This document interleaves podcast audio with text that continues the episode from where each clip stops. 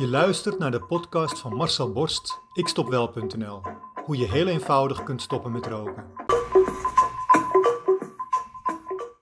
Elk jaar op 22 juni is het een beladen dag voor mij. Een dag waarop een roker zou zeggen: Ik voel nog even te veel stress om te stoppen. Kom me vandaag niet uit. Ik stop morgen wel. Het is ook een dag waarop veel gestopte rokers weer zouden kunnen beginnen met roken omdat ze niet helemaal doorhebben hoe het werkt. Vandaag herdenk ik de dag van het overlijden van mijn moeder. Drie jaar geleden inmiddels. Na een mooi lang leven is zij toen van ons heen gegaan. Het was een uitkomst voor haar.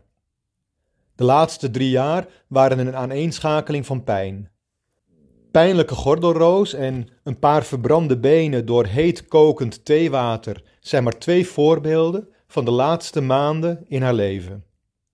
Mijn moeder heeft nog nooit gerookt, door mijn vader, die wel rookte. Op 50-jarige leeftijd bleek hij zomaar longkanker te hebben.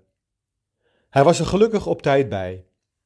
Zijn aangetaste linkerlong kon worden weggenomen. Daarna hebben ze samen nog 26 hele mooie jaren gehad, die er niet waren geweest als hij door was blijven roken. Mijn moeder ging gelukkig nog wat langer mee.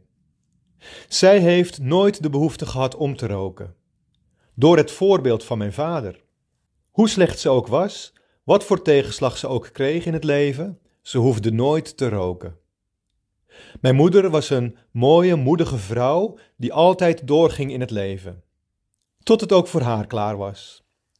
Toen heeft zij zichzelf overgegeven aan het enige wat net zo belangrijk voor haar was als bij de kinderen zijn om uiteindelijk weer één te worden met mijn Vader. Please heal your fear-based thoughts. De ontwikkeling van jou als mens kun je aflezen aan de stoel in het denkbeeldige auto die het leven is. Mijn moeder liet zichzelf nooit rijden. Ze was een zelfstandige vrouw die anderen niet nodig had. Zij reed zelf in de auto van haar bestaan. Zij bepaalde zelf de route, het uitzicht, de tussentijdse stops. En als ze al iemand liet rijden, dan koos zij wie dat was en voor hoe lang.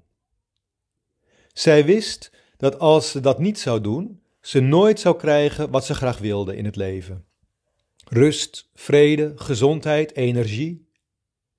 Zij wist dat als je de sigaret laat rijden, jouw rookgedrag, dat je dan alleen maar geconfronteerd wordt met stress en paniek, met twijfel en met verdriet. Zij koos dus voor een andere route in het leven. Zij koos voor een andere chauffeur in haar auto. Wie laat jij de rest van je leven jouw auto rijden? Vandaag is een beladen dag. Een dag waarop rokers die net zijn gestopt een excuus hebben om toch weer te beginnen. Zij laten die sigaret dan achter het stuur plaatsnemen.